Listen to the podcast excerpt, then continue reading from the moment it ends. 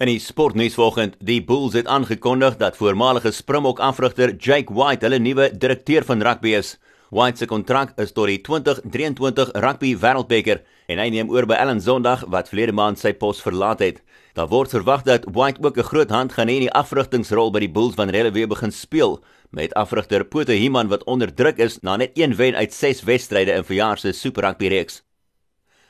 En met Suid-Afrikaners wat gereed maak vir 3 weke van nasionale afsondering of lockdown, is dit die Springbok en Stormers kaptein Sia Kolisi wat gesê het dis 'n moeilike tyd wat voorlê, maar Suid-Afrikaners moet saamwerk. It's really a tough period where you know we have to all put our our focus on making sure we are fighting this together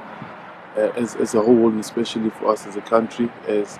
you have seen the measures of our president and the government how, how seriously they're taking this part